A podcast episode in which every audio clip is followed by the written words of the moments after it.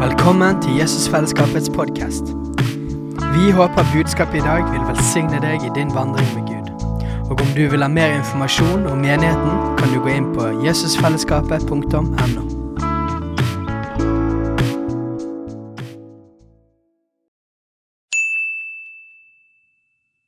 Hei! Visste du at Jesusfellesskapet starter en ny bibelskole til høsten? Den heter Jesusskolen og starter den 3. september. Gå inn på jesusskolen.no for mer informasjon.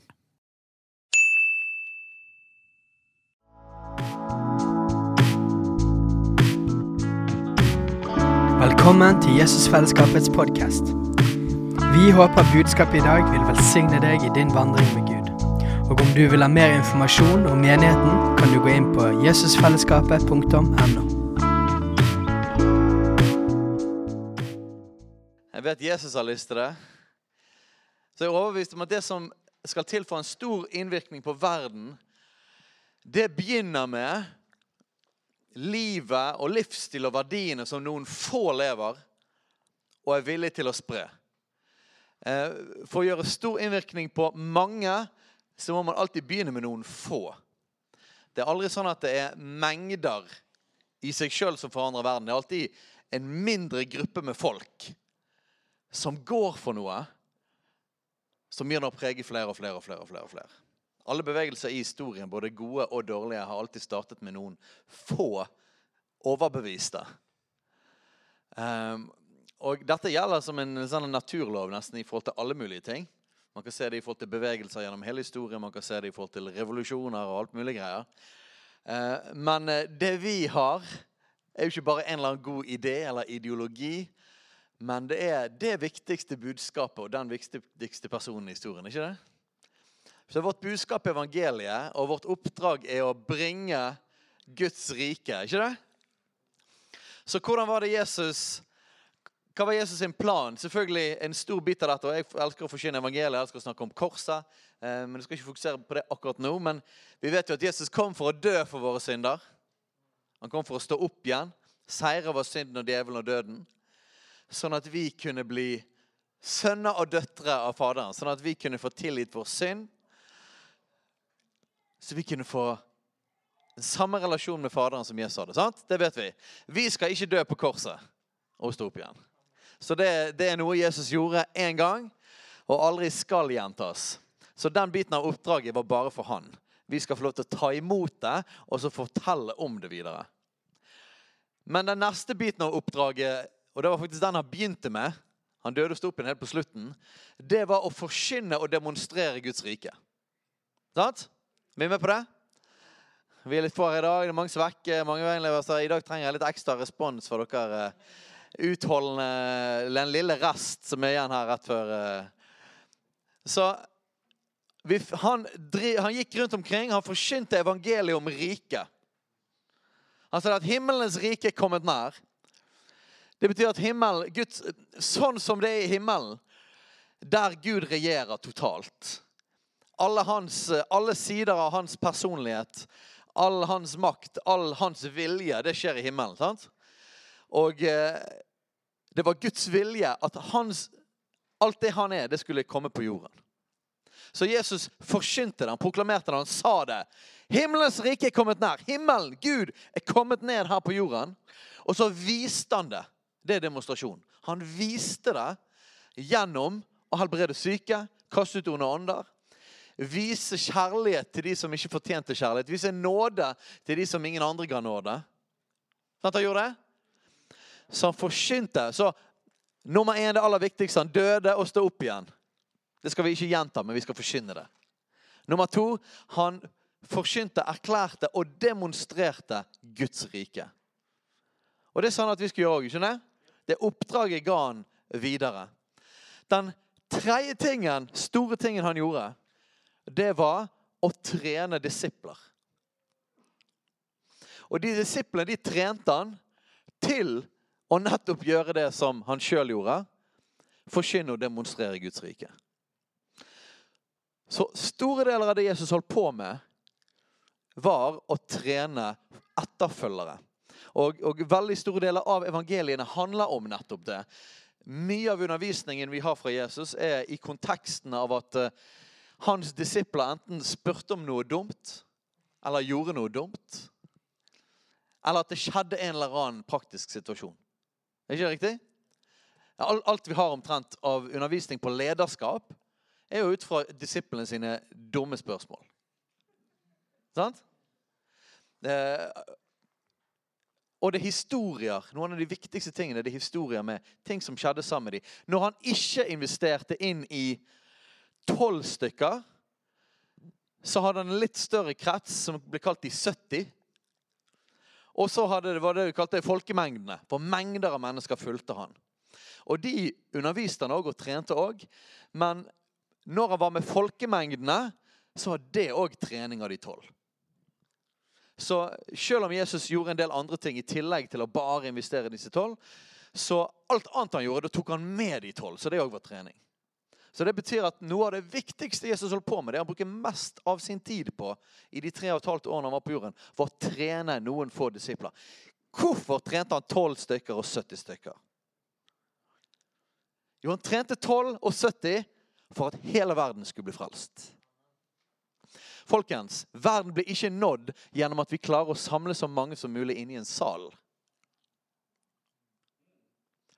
Verden kan bli nådd ved å investere så mye som mulig inn i noen få. Jesus sin geniale plan, og han sa det på den måten Kanskje vi kan slå opp der med en gang? Johannes evangelium dette er spennende greier, altså. Johannes evangelium.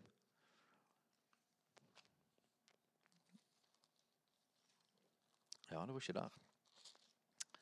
16, vers 7. Hva står det der?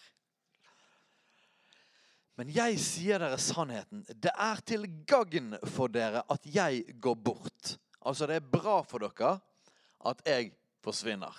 Dra til himmelen igjen. Det er bra for dere. For dersom jeg ikke går bort, kommer ikke talsmann til dere. Hvem var talsmannen? Den hellige ånd. Sant? Jesus underviser her i hele kapittelet om Den hellige ånd. Og dette er en av navnene han bruker på han. Det er bra for dere, det er det beste for dere, at jeg går opp til himmelen for, for, hvis jeg ikke gjør det, så kan ikke jeg sende Den hellige ånd til dere. Og så vet vi hva som skjedde etter hvert. ikke det? Jesus dro opp til himmelen, Rett før han dro opp til himmelen, så ga han dette oppdraget. Hva var det, hva var det han sa? Du kan lese det om i Markus 16. Hva står det der?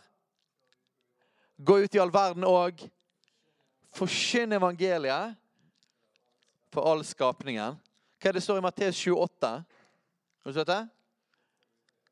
Gå ut i all verden, gå derfor ut og gjør alle folkeslag til disipler. Og så litt hvordan man gjør det. Dette er de to, det er to misjonsbefalinger, ikke det? Og så har vi en annen i Apostelens gjerninger 1,8. Noen som husker hva står der? Dere skal få kraft idet Den hellige ånd kommer over dere. Og dere skal være mine vitner. Jerusalem, Judea, Samaria og like til jordens ender. Det er tre misjonsbefalinger, ikke det? Hva er kjernen i de? Hvis du tar den siste, da. Den hellige ånd skal komme over dere. Gi dere kraft, sånn at dere, dere kan være vitner. Sånn at dere kan forsyne evangeliet om riket. Sant? Og I Markus 16 der står det etter det, så står det at disse tegn skal følge de som tror. Og så står det en mengde med ting, bl.a. helbrede syke, kaste ut noen ånder. Ikke det? Og den tredje der står det om å forkynne evangeliet, men å gjøre disipler. Så hva var poenget med at det er bedre for dere at Den hellige ånd går opp. Nei, at jeg går opp med deg, så jeg kan sende Den hellige ånd. Hva var poenget med det? Poenget med det, folkens, var det at Jesus var her ikke tre og et halvt år for å gjøre hele greien sjøl. Han var her for å lære noen å gjøre greien. Fordi at når han dro opp, så kunne han sende Den hellige ånd ned. Dere skal få kraft idet Den hellige ånd kommer over dere. Så skal dere være mine vitner. Da kan dere gjøre de tingene som jeg har gjort. Ikke det sant? Og så sa han, gå ut og forsyn evangeliet om riket, og disse tegn skal følge de som tror. Så det betyr at vi skal som sagt ikke dø og stå opp igjen. Vi skal fortelle om det. Men alt det andre Jesus gjorde, gjorde han ikke primært for de folkene som levde i Israel, som møtte han i de tre og et halvt årene. Han gjorde det selvfølgelig for de òg, men hovedgreien var å vise for sine 12 og sine 70 og for resten av hele historien, for det står i boken her, hva vi skulle gjøre. Er ikke det riktig? Fordi at hvis målet var kun at Jesus skulle nå alle disse folkene, så kan vi si at han hadde mislykkes med oppdraget sitt. For på, på pinsedag, hvor mange var det da som var samlet? 120 stykker. Så av disse mengdene av mennesker så var det igjen 120 disipler. Vi skal forkynne evangeliet overalt. Vi skal demonstrere evangeliet alt. Vi skal spre det utover alt. Så ut. Og det er for folkemengden, ikke det? Så mange som mulig. Men oppdraget vårt er ikke kun å demonstrere og forsyne evangeliet. Det er òg å gjøre disipler. Jesus dro opp til himmelen og sendte Den hellige ånd, sånn at vi kunne gå ut og demonstrere og forsyne evangeliet og gjøre disipler. Det samme som han gjorde. ikke det? Akkurat det samme som han gjorde. Og Dette har jeg eh, gjentatt mange ganger denne høsten, og jeg sier det fortsatt. Fordi at uh, det er bare greit i forhold til virkelighetsforståelsen vår. Jeg driver jo og leder menighet, så det betyr at jeg har en viss, uh, en viss passion for menighet. Jeg bør jo ha det, ikke? At menighet er viktig. Um, dette er ikke noe vi gjør bare for gøy eller for penger. eller noe sånt, så det. Da hadde vi gjort noe annet. Så jeg har, en, jeg har, en, jeg har en, et sterkt hjerte for menighet. Men vi må være veldig bevisst på hva menighet skal inneholde. Og hva vårt fokus skal være. Fordi at Jesus sa ingenting om menighet. I tre og et halvt år sa han ingenting om menighet. Og i hele oppdraget han ga, så sa han faktisk heller ingenting om menighet. Han sa to ting. Forkynne og demonstrere evangeliet, og gjøre disipler. Jeg tror jo menighet er midt i kjernen av det oppdraget. Jeg tror jo hensikten med menighet faktisk er å gjøre det oppdraget. Ikke det? Og så er det andre elementer med menighet. Jeg har før snakket om det som har med at vi er et Guds hus. Vi er en bolig for Den hellige ånd, et tempel for Den hellige ånd hvor sentralt Guds nærvær er i dette. At vi skal være en bolig for Han. Kjempeviktig. Eh, vi har det elementet som er at vi er familie. Fellesskap som en verdi i seg sjøl. Så det fins noen andre elementer med menighet.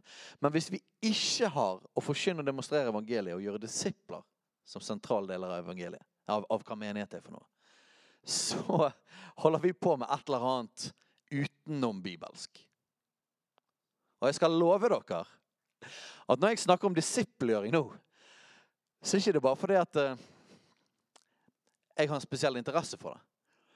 Jeg vet at hvis vi ikke bevisst går inn i dette her, så kommer vi primært til å være klubb og ikke gjøre oppdraget.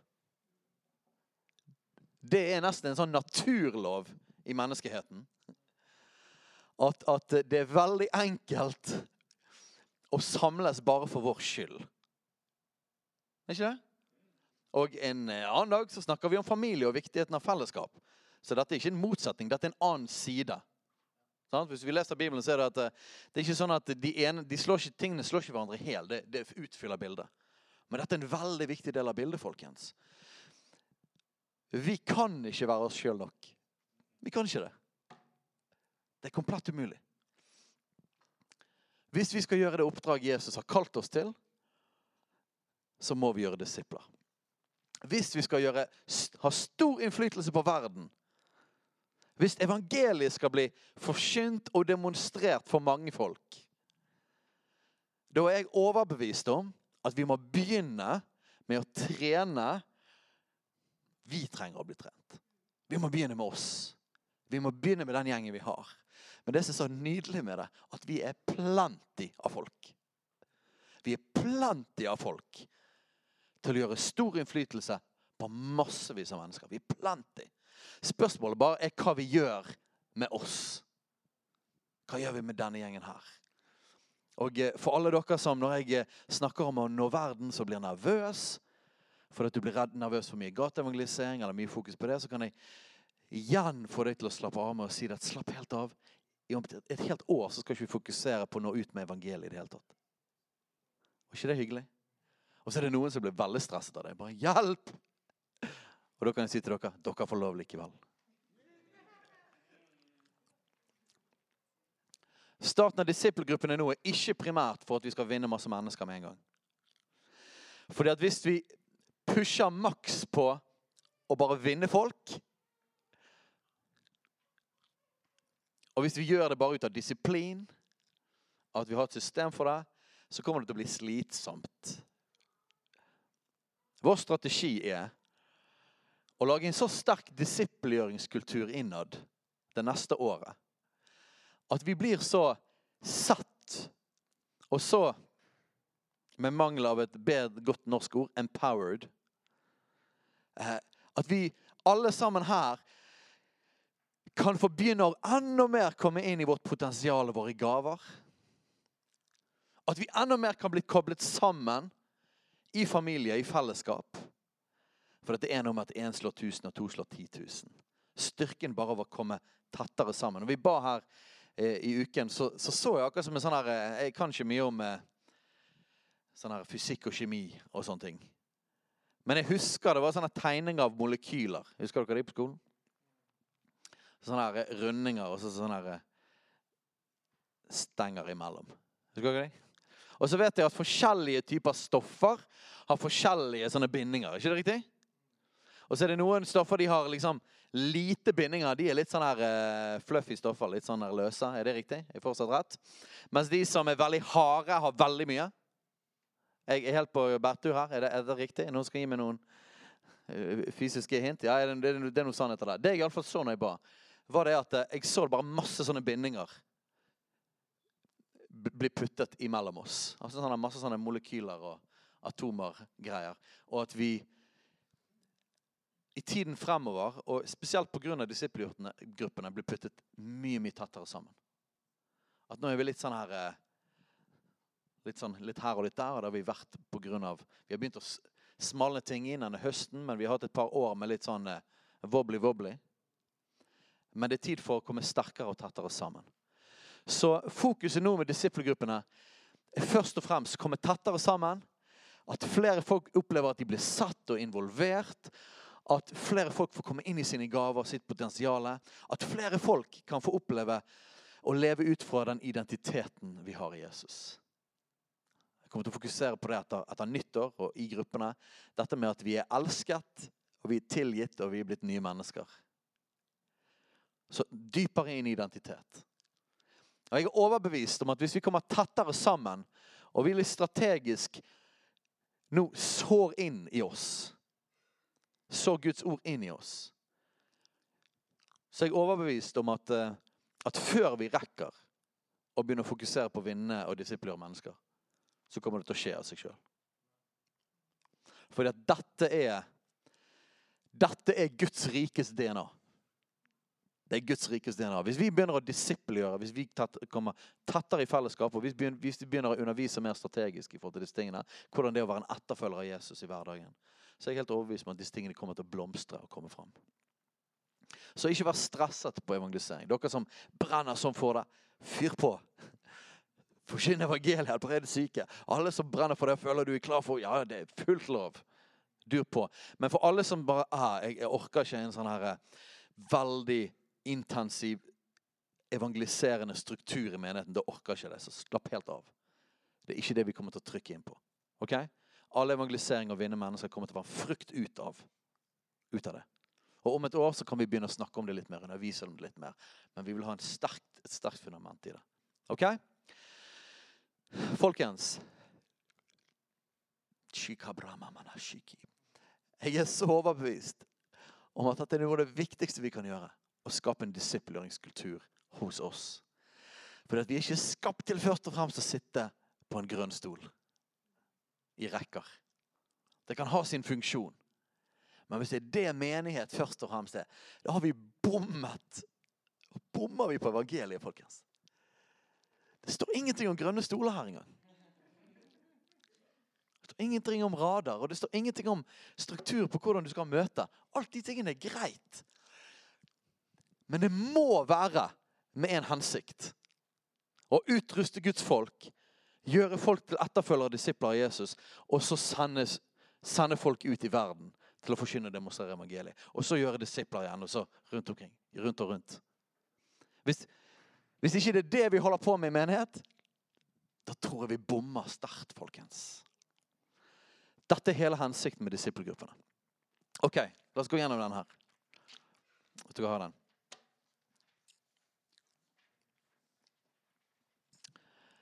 Seinere skal jeg forklare litt mer om hele denne sirkelen som er lagd her.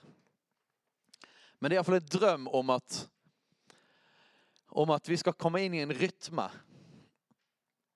Både med gruppene, men som menighet òg, der, der vi hele tiden får styrke, lære og trene og sende, og så finne nye. Som igjen blir styrket, læret, trent og sant. Og skal se mer på innholdet av det seinere en eller annen gang. men det, ikke, det, kommer ikke til å være stort fokus nå i fremtiden. Men jeg puttet iallfall på framsiden her for å gi et lite hint om at det er noe som kommer. Hvis, hvis alle, alt innholdet av det der blir en del av vår kultur, så kommer vi til å trene disipler som trener disipler. Og da kommer vi til å gjøre et innhogg, folkens, på djevelens rike. Vet du hvorfor jeg er så overbevist om at, at, at vi faktisk kommer til å nå ut hvis vi gjør dette? Jeg skal fortelle dere en Guds rikes hemmelighet. Dette har vi oppdaget veldig mye. Spesielt på bibelskolen har jeg oppdaget dette. Det er masse ting vi kan gjøre som er gode ideer. Og det kan funke sånn OK. Men så har du noen ting som rett og slett er bare ordinert i Bibelen. Og hvis du gjør de tingene, så er det noe som skjer umiddelbart. Det har umiddelbart resultat, og du trenger ikke stresse med det i hele tatt. En, et område vi har oppdaget det på, det er når vi reiser på teamturer. Og vi reiser ut et sted for å forkynne evangeliet og helbrede syke. Det i seg sjøl er, det er et oppdrag som er uavhengig av hva folk som holder på med det. Det er noe som er ordinert i Bibelen. Skjønner dere? Det er ikke en god idé, det er noe som han har sagt. Og når man begynner å ta et steg, og så bare gjør man det, så skjer det. Det har vært helt utrolig. Vi har opplevd dette i så mange år. At hvis du putter deg inn i oppdraget, så fins det en salvelse som følger oppdraget. Og det er helt uavhengig hvem folk det er. Du kan, du kan ha vært vant med sånne ting eller ikke vant med sånne ting. Men hvis du, hvis du blir puttet i situasjonen av et eller annet som Gud har lagd ordinert, lagt en rapport, så kommer det kraft fra det høye og backer det. Det er ikke alle våre ideer han backer. Men han har lovet i sitt ord å backe visse ting. Hvis du kunne gått langt der, så kunne du nesten kalt det et sakrament. En annen sånn ting, det er nattverd. Hver gang vi deler evangeliet, deler korset, hva Jesus har gjort for oss, og så tar vi imot nattverd, hver gang vi gjør det, så merker jeg at Den hellige ånd kommer med frihet. Den hellige ånd åpenbarer evangeliet. Det er hver gang. Det hjelper ikke uansett hva humøret er. Altså, dåp er en annen sånn ting. Vet du hva som òg er en sånn ting? Disippelgjøring. Dette er ordinert fra himmelen. Hvis vi gjør det som han sier, så får det faktisk frukt. Det funker. Jeg har prøvd dette. Jeg har prøvd å sette meg sjøl i situasjonen og være lydig på akkurat det med å gjøre disipler. Og det som skjer da, det er at himmelen backer meg. For dette handlet ikke om steiner, det handlet om oppdraget som Jesus ga. Så det kommer til å funke for deg, og det kommer til å funke for menigheten. Hvis vi faktisk gjør det som Gud, det Jesus faktisk har sagt vi skal gjøre, så kommer han til å backe det.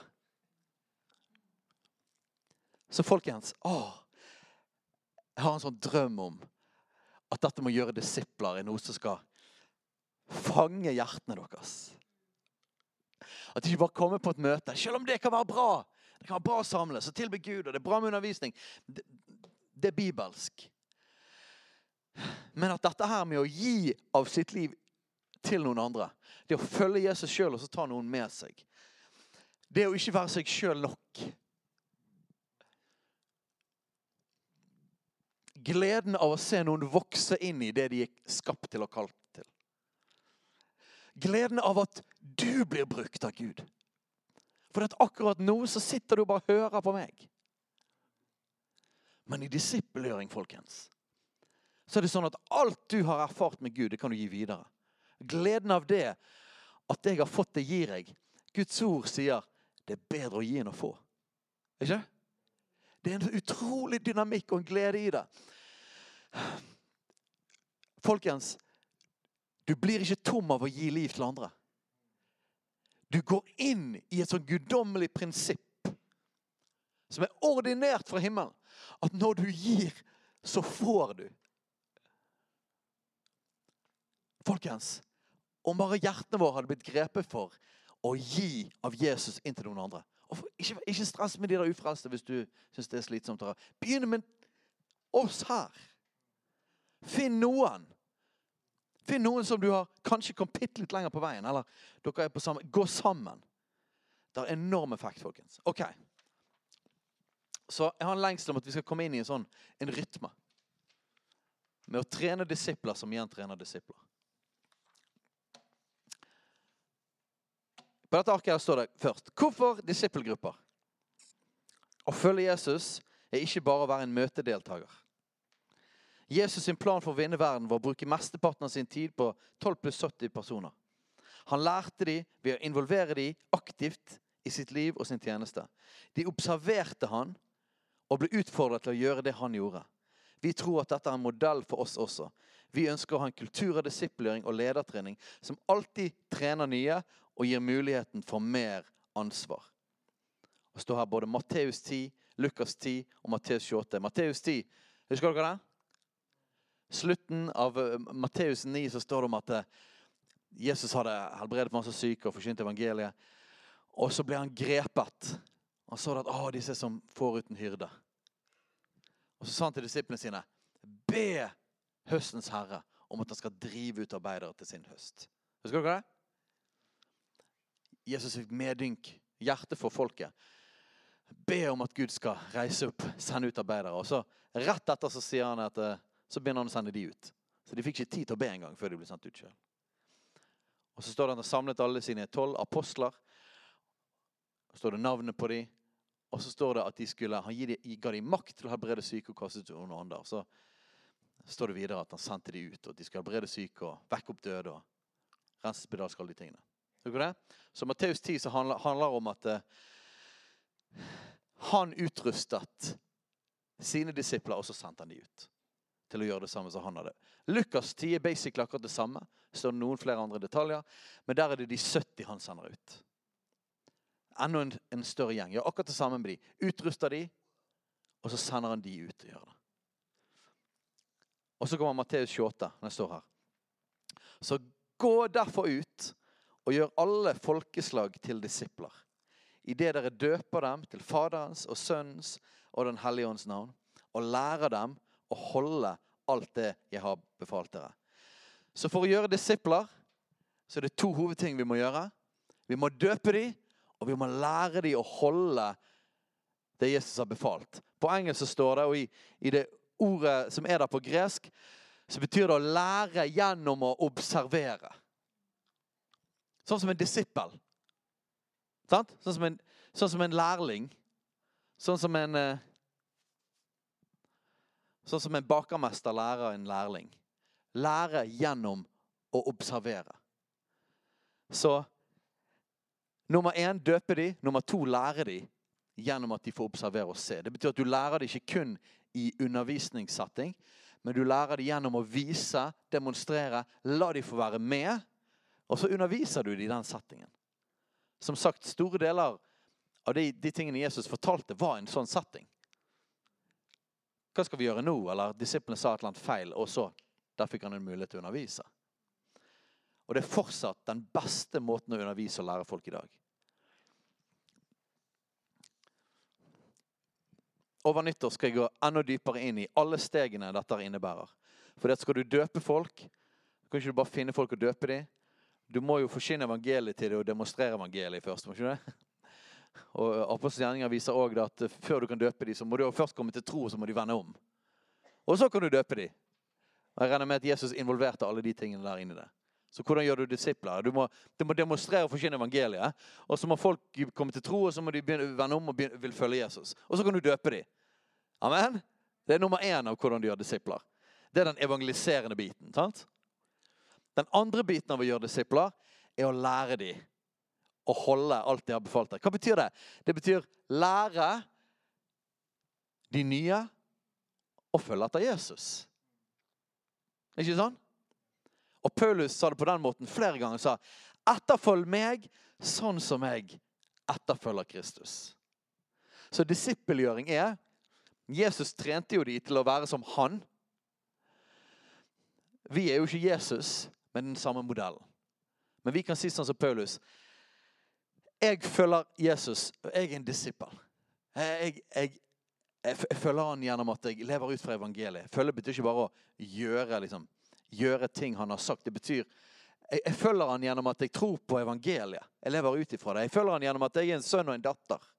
Jeg lever ut fra barnekår. Jeg, jeg, jeg er en ny skapning. Jeg lever ikke lenger for synd. Jeg, jeg har et nytt hjerte. Jeg ønsker å leve hellig. Og I tillegg til det så har Jesus bedt meg om å demonstrere og forkynne evangeliet. Og så masse, masse andre ting. Og så sier man, folkens, har du lyst til å være med meg på det? For akkurat sånn som jeg følger etter han, så har jeg lyst til å lære deg å følge etter han.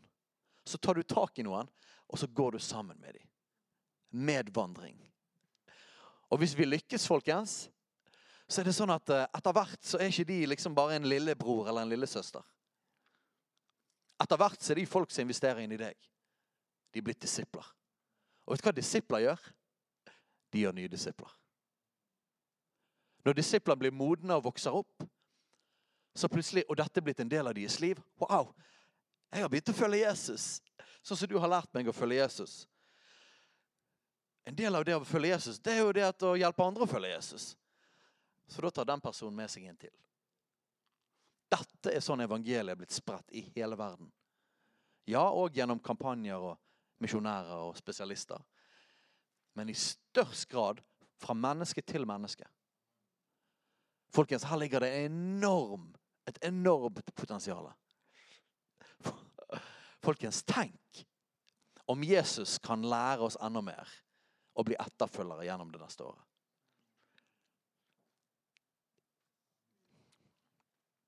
Tenk om vi kan hjelpe til.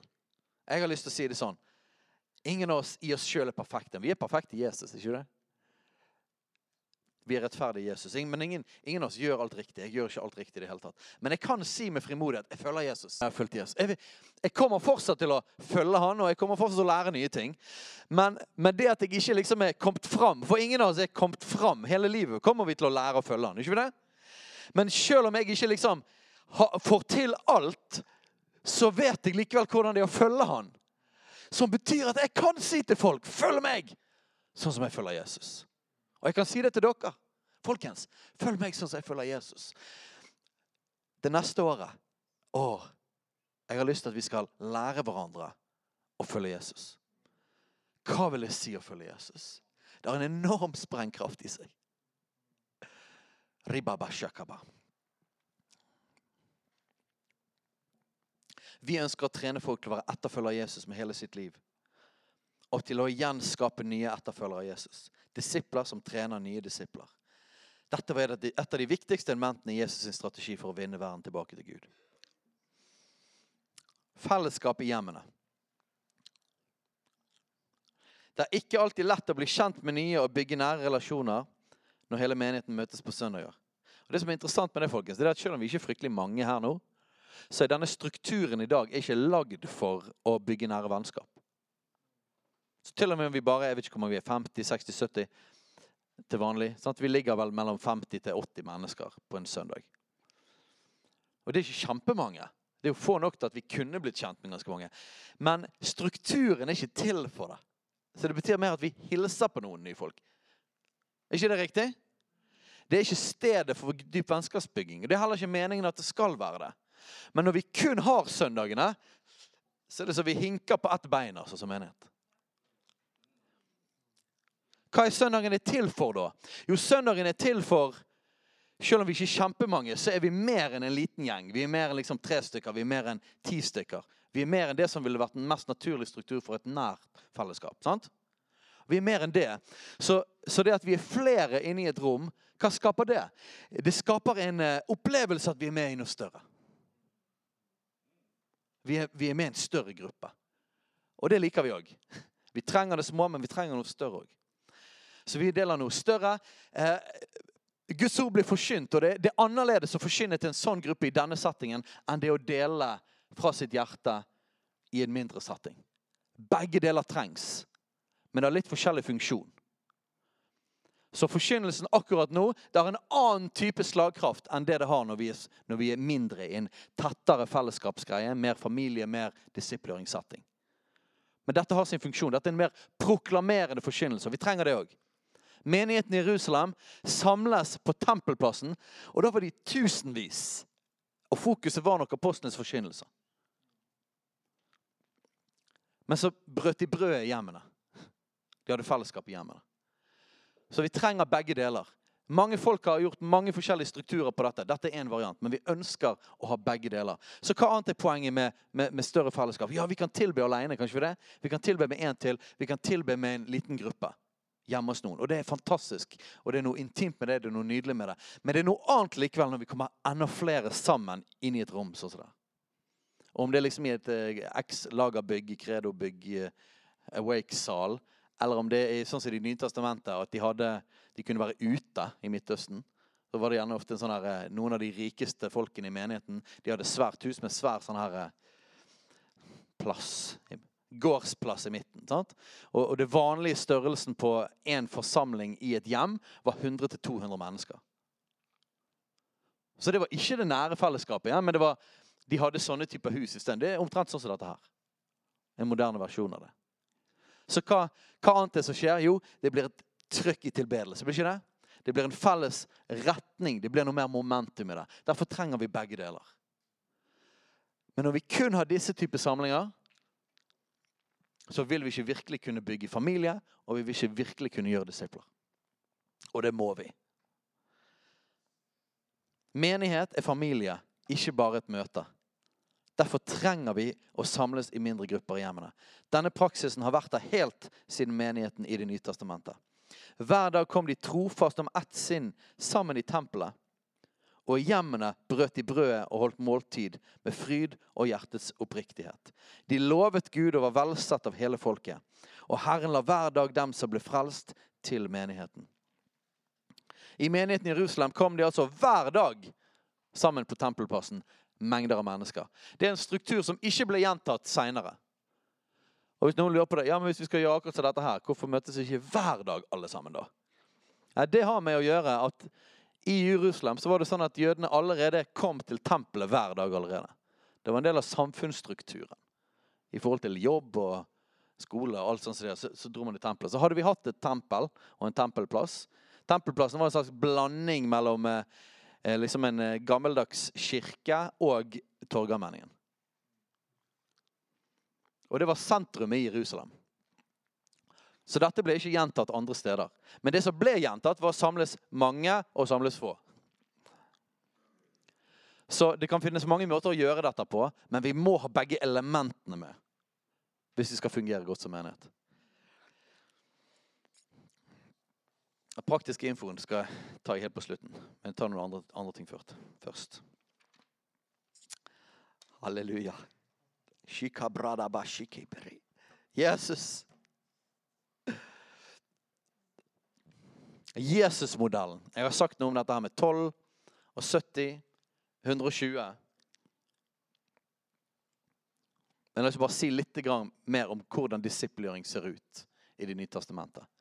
Eh, for her er det en liten sånn kulturkrasj med oss her i Norge og i Europa.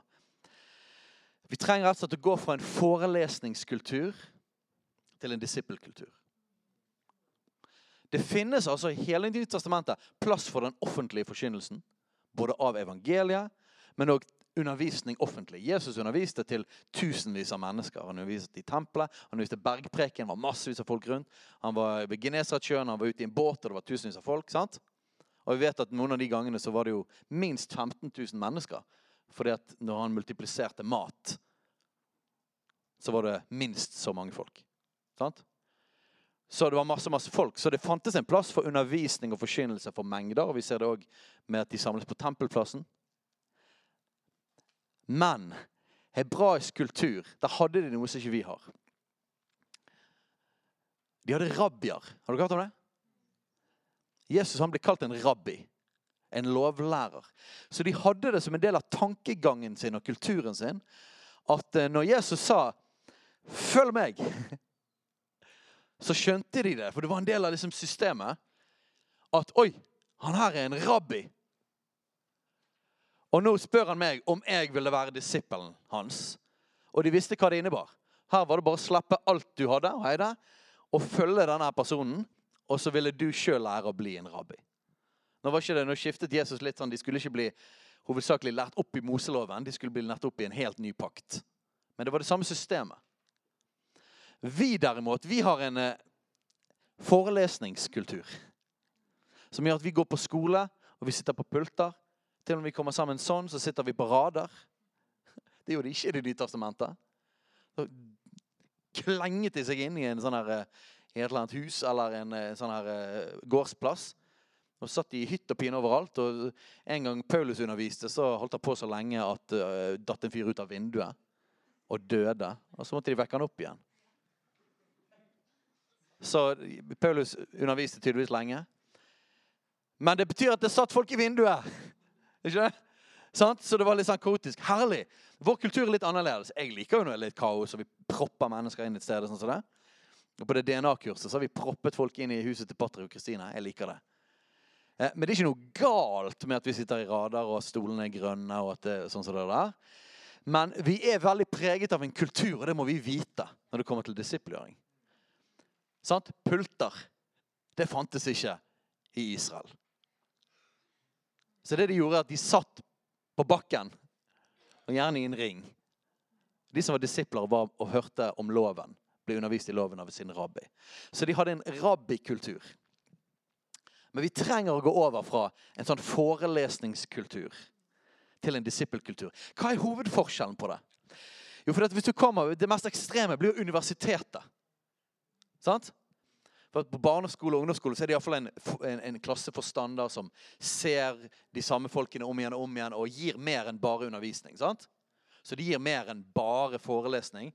Men du kommer opp på høyere utdannelse og universitetet, da, liksom, da kan det være mange hundre der. Og så er det liksom auditorium, og så er det forelesning. Og det er forskjell selvfølgelig på foreleser, men utgangspunktet er det liten livskontakter. Det er ikke sånn at du får liksom sånn her 'Professor, kan jeg være med deg hjem og spise middag med deg?' 'Og så kan du dele ut av din visdom.' Det er ikke helt tilgjengelig. Er dere med på det? Så det du får av professoren, er et foredrag. Og det har sin funksjon. Det er ikke noe galt med kunnskap på den måten. Men det er likevel såpass spesialisert i vår del av verden at vi er kommet veldig langt vekk fra det mønsteret som vi leser om i Det nye testamentet. Og det er likevel sånn vi tenker. Sånn at vi snakker om undervisning og lære folk, så tenker vi en på en europeisk måte. Og Derfor er det viktig å vite det at når vi skal gjøre disipler, så må vi ta det ut av forelesningsgreien. Som sagt, Det har sin plass med offentlig forkynnelse, sånn som vi holder på med nå, men det er ikke primærgreien til å gjøre disipler. Vi må fra en forelesningskultur til en disippelkultur. Og vi har dette noe. Jeg syns jo det er en ulykke Jeg skal ikke snakke for mye om skolesystemet i Norge, men jeg syns personlig at det er en ulykke at det blir mer og mer teori. Til og med bønder nå for søren, må jo ta kurs på å lære å bruke de maskinene som de har brukt fra de var åtte år gammel. De har gjort det hele livet, så må de på kurs. Og det er fint, vi er et trygt land, og vi vil ikke at folk skal bli dette ned i siloer og, og bli knust av traktorer og sånn. Så det har jo en god ting. Men det, det er et eller annet problematisk med dette, den veldig forherligingen av kunnskap istedenfor læring. For hvis du vokser opp på en gård, da har du lært det der lenge før loven sier du har lov til det. Er det noen som, har vokst opp på en gård her? Er, det noen som kjenner noen som har vokst opp på en gård? Har du noen gang hørt de fortelle om når de begynte å kjøre traktor? Var det før de fikk traktorlappen? ja. Og hvorfor var det sånn? Er det fordi at, fordi at i gamle dager så var det en sånn mye mer sånn, sånn Disippelkultur, lærlingskultur. var ikke det? Var før de store institusjonene kom, og de fleste bare gikk på skole og lærte teori og fikk grader. Men du lærte, hvem lærte du da? Du lærte av bestefar. Du lærte av pappa. Og da, sant? Vi, vi tror at menn og kvinner skal få være stor bredde i tjeneste. Um, men nå forteller jeg bare hvordan det var. Da var det sånn at uh, Jentene de lærte å vaske klær og lage mat av mamma og bestemor. Var det ikke sånn? Og så lærte mennene å, å, å, å liksom bygge og mekke og fiske eller whatever av fedrene. Ikke, var ikke sånn? sånn? Så utenom den at bare menn og kvinner skal gjøre de to tingene, så var det et eller annet mye sterkere i kulturen vår før. Om at vi fulgte noen som kunne det. Og de folkene der, sant? de kunne jo mye mer enn en, en eller annen kursholder om fisking. De visste hvor fiskeplassene var. De kunne det instinktivt. Og den eneste måten å lære det på, det var å være med dem. Var ikke sånn? Skulle du lære å fiske? Skulle du lære liksom, liksom bare, Bestefar bare liksom luktet liksom været. Bare Nå biter fisken.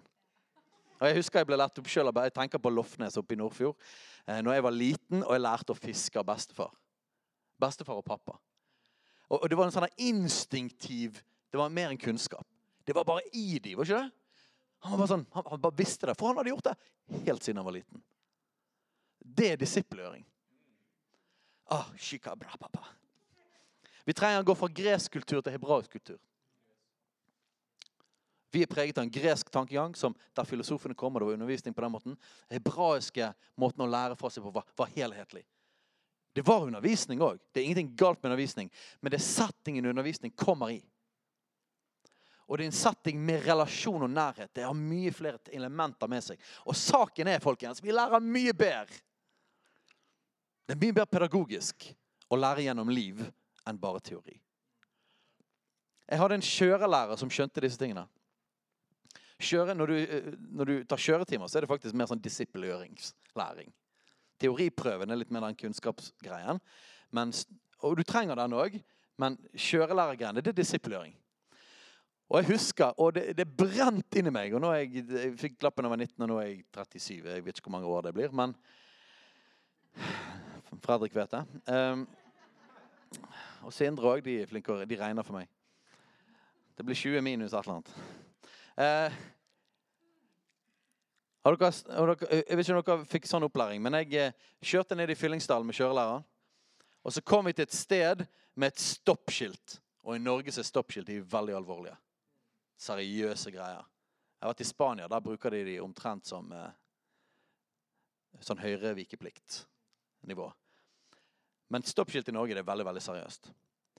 Så jeg så stoppskiltet, og jeg lurer på om jeg sa legg merke til stoppskiltet. Ja, ja, jeg vet hva jeg skal gjøre. Jeg skal stoppe helt. Og, og, ikke bare sånn vikepliktstopping, men sånn ordentlig stopping. Og så kan jeg kjøre. sant? Og så kjører jeg der, og så stopper jeg. Yes. Og så gasser jeg på igjen, for da skal du fullt rett opp i 80 igjen. Så da må du fyre på ut i veien. sant? Så da bare gasser jeg på, og så hogger han inn bremsen. Sånn at jeg er litt sånn halvveis ut i veien. Sånn, bilen ryster der, og jeg ligger, står veldig sånn ubehagelig til ut i veien. Og jeg bare What? Hva i all verden du gjorde? Men, Hvorfor gjorde du det? Du stoppet ikke, sånn. Jeg bare sa jo, jeg stoppet. Hjulene skal være låst. De var ikke låst. Da stoppet du ikke. Du brøt vikeplikten. Og nå står jeg her, altså. 18-17 et eller annet år en eller annen gang siden. Og jeg husker det så godt. Hver gang jeg ser et stoppskilt, så tenker jeg på det. Hver gang! Det var et stoppskilt. Hjelp! Lås hjulene, Steinar. Jeg lærte det gjennom erfaring, ikke det? Jeg har ikke bare teori, for jeg hadde kun teorien fra før. jeg. Men det, bare, det, det satte seg i kroppen på meg. Nå, jeg, nå har jeg erfaringsmessig kunnskap. Det er disiplering.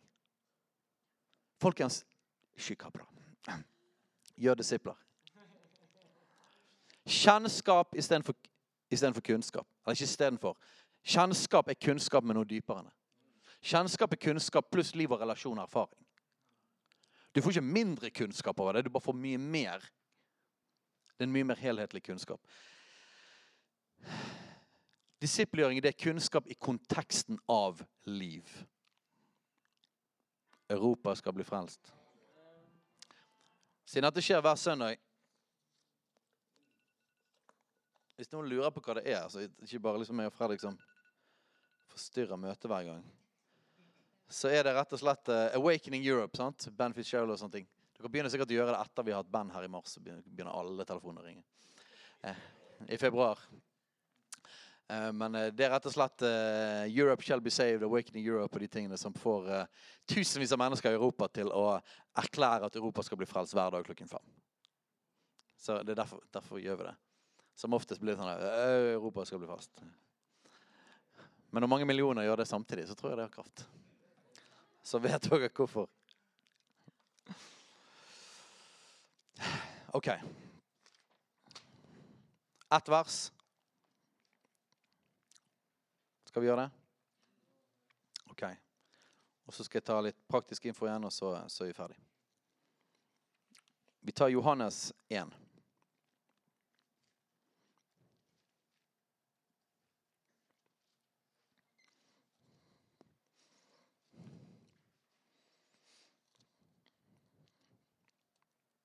Og Her er det bare et eksempel for når jeg fortalte litt om hva som lå bak i kulturen. Um. Oi, det var et par til. Ja, OK. Jeg leser dette først. Det fins en rød tråd i Bibelen av disippelgjøring og trening. Jeg kan nevne noen navn. Husker dere Moses som trente Josva? Husker dere hvordan det skjedde? Eh, Josva var med Moses til teltet. Og så var han med opp på fjellet. Husker dere det? Og så var han med og tjente, og så hang han på Moses. Og så holdt han på, holdt han på med det i årevis. Og så etter hvert kalte Gud han til å ta over. Og Da hadde ikke han bare fått kunnskapen, en eller annen bok, Mosebok, som Moses hadde skrevet, som han kunne lese. Men han hadde sett og erfart og vandret sammen med Moses. Det var Josfa sin trening. Vi ser det samme med David og hans menn. Husker dere Davids uh, mektige menn? De var i utgangspunktet en uh, haug med småkriminelle, elendige folk. Og så var de sammen med David i flere år når David ble jaget av Saul. Og etter hvert så ble det liksom elitestyrken hans. Og mot slutten av livet etter mange år så ble de kalt Davids helter. Davids mektige menn. Men de var ikke helter i begynnelsen. De var helt vanlige og heller litt under gjennomsnittet hyggelige folk. Men hva var det de gjorde? De fulgte en fyr som hadde, var en mann etter Guds hjerte. Som Gud sa det sjøl. De lærte av han, og det ble deres liv. Han gjorde de til disipler. Skjønner? Vi ser det samme med Elia og Elisha. Og vi ser det samme med Johannes døperens disipler. Vi ser det samme med Barnabas som falt Paulus. Husker du det? Så tok han med seg Paulus. Og etter hvert så kom Paulus sånn inn i sitt kall og sin tjeneste at han gikk forbi Barnabas. Er ikke det målet vårt? At vi skal trene folk, ikke til bare at de er på siden, men at de skal om vi, kan, om vi kan være et gulv som folk kan stå på. Om vi kan være, At vårt tak kan være deres gulv, og at de kan komme lengre i sin etterfølelse og i sitt kall. Er ikke det fantastisk? Da kan vi vinne verden, kan ikke vi det? Hvis det vi lever, det livet vi lever, hvis det blir et gulv for noen, så de kan stå på det, det blir deres grunnlag, og så kan de gå videre sammen med Jesus. Vi ser det samme med Paulus og hans team. Han hadde alltid folk med seg. Lukas hadde med seg som skrev ned hele Apostelens gjerninger og Lukas evangeliet. Eh, han hadde med seg folk som Titus og Timoteus, og så står det mengder av andre folk. På slutten av brevene står det masse sånne folk, og mange av de samme de fulgte etter Paulus, og de ble trent og lært av han. Og Nå skal vi bare se på litt av dette her i Johannes evangeliet. Vi kan begynne i vers 29. Dagen etter ser han Jesus komme til, seg, dette er altså Johannes døperen, og sier, 'Se, der er Guds lam som bærer verdens synd.' Det var om han jeg sa, 'Etter meg kommer en mann som har kommet foran meg fordi han var før meg.' Og jeg kjente han ikke, men fordi han skulle åpenbares for Israel, derfor er jeg kommet og å ham med vann. Johannes vitnet og sa, jeg har sett ånden komme ned som en due fra himmelen, og han ble over han. Jeg kjente han ikke, men han som sendte meg for å døpe med vann, sa til meg, Han du ser ånden komme ned og bli over, han er den som døper med Den hellige ånd. Og jeg har sett det, og jeg vitner om at han er Guds sønn. Dagen etter sto Johannes der igjen og to hans, hans disipler. Da han fikk se Jesus som kom gående, sa han, Se, der er Guds lam. Hva, er det som skjer her? Dette bare viser litt om hvordan Johannes hadde disipler. Så det var en del av systemet. Johannes hadde sine disipler. Men dette synes jeg er et godt eksempel på å være en som sjøl følger Jesus, og så hjelper andre å følge Jesus. En som kan si 'Følg meg', sånn som jeg følger Jesus. Akkurat i dette tilfellet sa, de, sa han 'Begynn å følge han, ikke meg'. Han var en person som pekte de til Jesus. Jeg har lyst til å være en sånn. Se der er Guds lam. Og så står det De to disiplene hørte det han sa, og de fulgte etter Jesus. Og Vi snakker jo om å følge Jesus som en slags litt sånn, her, litt sånn her usynlig ting. Vi følger han med livet vårt.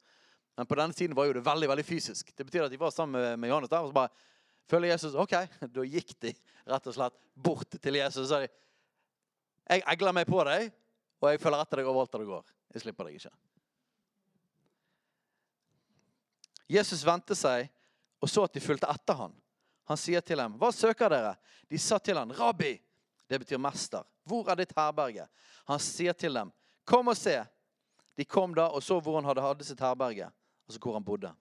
Og de ble hos han den dagen. Det var omkring den tiende time. Så, ser dere hva disiplering er for noe? Følg etter og bli med dem. Heng. Og vi har ikke helt den strukturen i dag at vi nødvendigvis betyr at vi flytter inn hos hverandre. Det kan skje, det òg. Men det må i alle fall bety tid. Det må i alle fall bety å være sammen. Det må i alle fall bety å spise sammen. Det må i alle fall... For det er den settingen er der det vil lekke ut av livet. Den settingen er der undervisning vil komme. Og så står det videre. Andreas, Simon Peters bror, var en av, de, en av de to som hørte det Johannes sa, og som fulgte etter Jesus. Han finner først sin egen bror Simon og sier til han, 'Vi har funnet Messias.' Det betyr Kristus. Og han førte han til Jesus, og Jesus sa, så på han og sa, 'Du er Simon, Johannes' sønn. Du skal kalles Kefas.' Det betyr Peter. Hva som skjer her? Johannes sier først til sine disipler, 'Følg han av Jesus.' De bare, 'OK, jeg følger Jesus.' 'Hvor bor du?' 'Jeg vil henge med deg.' 'OK.' Og en av de var Andreas, en av de to. Og så står det videre at han han har en bror som heter Peter. Folkens, hvordan var det Peter ble frelst? Nå kjenner vi Peter som apostelen Peter. På deg skal jeg bygge du er en klippe, på deg skal jeg bygge min menighet. Sant? Hvordan, ble, hvordan ble Peter frelst? Hvordan ble han en etterfølger av Jesus? Ved at broren hans sa jeg har begynt å følge etter han. Kom igjen, følg etter meg. Bli med meg og følge han her. Og så tar han ham med til Jesus, og så skjer det noe da. Plutselig bam, så begynner Jesus å profetere over ham. Ser dere dynamikken, folkens? Det er liv, det er medvandring, det er mennesker. Én til én. Peter kom ikke gjennom en konferanse og en innbydelse. Det er lov, men det er ikke standarden for hvordan vi gjør det. Er det noen her som heter Peter? Kom fram her til scenen. Begynn å følge meg. Nei, broren hans hadde begynt å følge Jesus fordi det var en annen fyr som sa Følg han der. Og så tar han det videre. Og så ser vi det igjen. Å, Gud, merk oss med en sånn livsstil. Det er derfor jeg leser dette, folkens. Jeg har lyst til at dette skal bli en del av livet vårt. Og står det vers 44. Dagen etter vil han dra til Galilea. Han finner Philip. Jesus også. Han finner Philip. Oi, der er Philip. Og Jesus sier til ham, 'Følg meg!' Utropstegn. Philip var fra Betzaida, fra Andreas og Peters by. Philip han fyller Natanael og sier til ham, 'Han som Moses har skrevet om i loven, og som profeten har skrevet om, han har vi funnet. Jesus, Josefs sønn fra Nasaret.' Natanael sa til han, 'Kan det komme noe godt fra Nasaret?' Philip sa til han, 'Kom og se.' Åh, jeg liker den. Skjønner du hva jeg snakker om her? Kom og se. Bli med meg. Bli med meg, så skal du erfare. Nå har vi hatt DNA-kurs. Det er ikke noe galt i kurs. Men det er ikke det. Bli med på dette kurset. Nei, kom og se. Bli med meg. Hvor bor du? Philip sa til han, kom og se. Jesus så Nathanael komme mot seg og sa om han, se, der er en ekte israelitt, en som det ikke er svik i. Så Jesus begynner med en gang å gi han et ord her. Nathanael sa til han, hvor kjenner du meg fra? Og vi vet at Nathanael han var ganske negativ. Han ble bare med. Hvorfor ble han med? Fordi at Philip sa, bli med meg, kom og se. Han var skeptisk. Men han sa, bli med meg. Bli med meg, så kom, du kommer til å merke det. Kom igjen. Kom igjen, Nathanael. Bli med meg. OK, da. Jeg blir med deg. Hvorfor blir du med deg? Eh, Fordi jeg kjenner deg. Når det går fra person til person, så handler det om relasjon og tilliten som ligger der imellom. OK, siden du sier det, så blir jeg med. Jesus svarte til han og sa, før Philip kalte på deg mens du ennå var under fikentreet, så jeg deg. Og Det var tydeligvis et eller annet heftig kunnskapsord der, for responsen var Nathanael svarte han, Rabbi, du er Guds sønn, du er Israels konge. Utropstegn. Det betyr at han sa det ganske heftig. Så han var skeptisk. Kan det komme noe godt fra Nasaret? Yeah, right. At jeg gidder å følge han her fyren. Hæ? Philip please, kom og se. Du kommer til å merke det. Kom igjen. Og så kom han til Jesus, og så fikk han se. Du skjønner? Jeg bare, wow, du er Israels konge. Og så sier Jesus, tror du for det jeg sa til deg, eh, at jeg så deg under fikentreet, du skal få se større ting enn dette. Og så litt videre. Men dette var poenget. Ser dere hvordan disiplering fungerer? Jesus gjør det til en del av vårt liv. Ta oss fra forelesningskultur til disippelkultur. Og før Gud vi driver og finner masse andre folk her i byen som vi skal lære å bli disipler, så ber jeg det at vi sjøl skal være disipler. Og at vi som er her i menigheten, skal ha en livsstil og en struktur av, en, et liv av, der vi gjør folk til disipler. At vi disippelgjør hverandre. Jeg ber at du skal putte oss, Gud, i gjenger, i par og i grupper. Der vi kan lære å følge deg, Jesus. Og der vi kan si at 'følg meg sånn som jeg følger Jesus'. Og så ber jeg deg at etter at det er blitt modent og virkelig er liv hos oss, så ber vi at vi skal få gjøre dette her òg.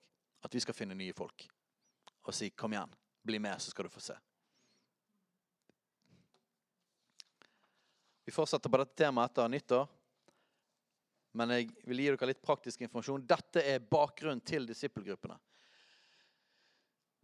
Bare det å ha disippelgrupper i seg sjøl gjør ikke at disippelgjøringskultur skjer automatisk. Det må liv og livsstil bak det. Må ikke det? Men undervisning sånn som dette håper jeg at Den hellige ånd vil vekke noe i hjertene våre. Men òg ved at vi har en struktur, så tror jeg at det vil hjelpe oss til å faktisk leve det. Så etter nyttår så kommer vi til å starte disippelgrupper. Det blir disippelgruppesamlinger annenhver uke. Det kommer til å være seks til tolv personer i gruppene. Det kommer til å være hjemme hos noen. Det kommer til å være 19 til 21.30 cirka. Det kan være andre varianter. Gruppene kommer til å samles på tirsdager, onsdager og torsdager. All informasjon er på det. Her står det hva vi kommer til å gjøre når vi samles. Både fellesskap, måltid, nattverd, bønnetilbedelse og kort undervisning. For dere som har lyst, vi har allerede begynt å, å, å samle inn, håper jeg, eller gi folk muligheten til å si fra at de har lyst til å være med i grupper. Har begynt å utforme grupper allerede på de som har sagt fra. Men eh, glimrende hvis folk som vet at ja, dette har jeg lyst til å være med på. Ikke bare fordi at du har lyst på en gruppe eller komme inn i en struktur, men fordi at du har lyst til å være med på dette livet. Du har lyst til at dette skal bli en del av ditt liv. Da er det helt supert hvis du kommer til meg, så jeg kan få skrive deg opp på listen. For det betyr at vi kan begynne å jobbe med gruppene. Vi har lyst til at alle gruppene skal være så sterke, sunne og gode og kraftfulle som mulig. Så Derfor er det bra å få inn folk raskt, sånn at vi kan putte folk sammen. Så helt nydelig hvis folk kan komme til meg, folk som har lyst til å være med i grupper. Etter møtet. OK. Herlig. Klapp, klapp, klapp til fantastiske Steinar, eller?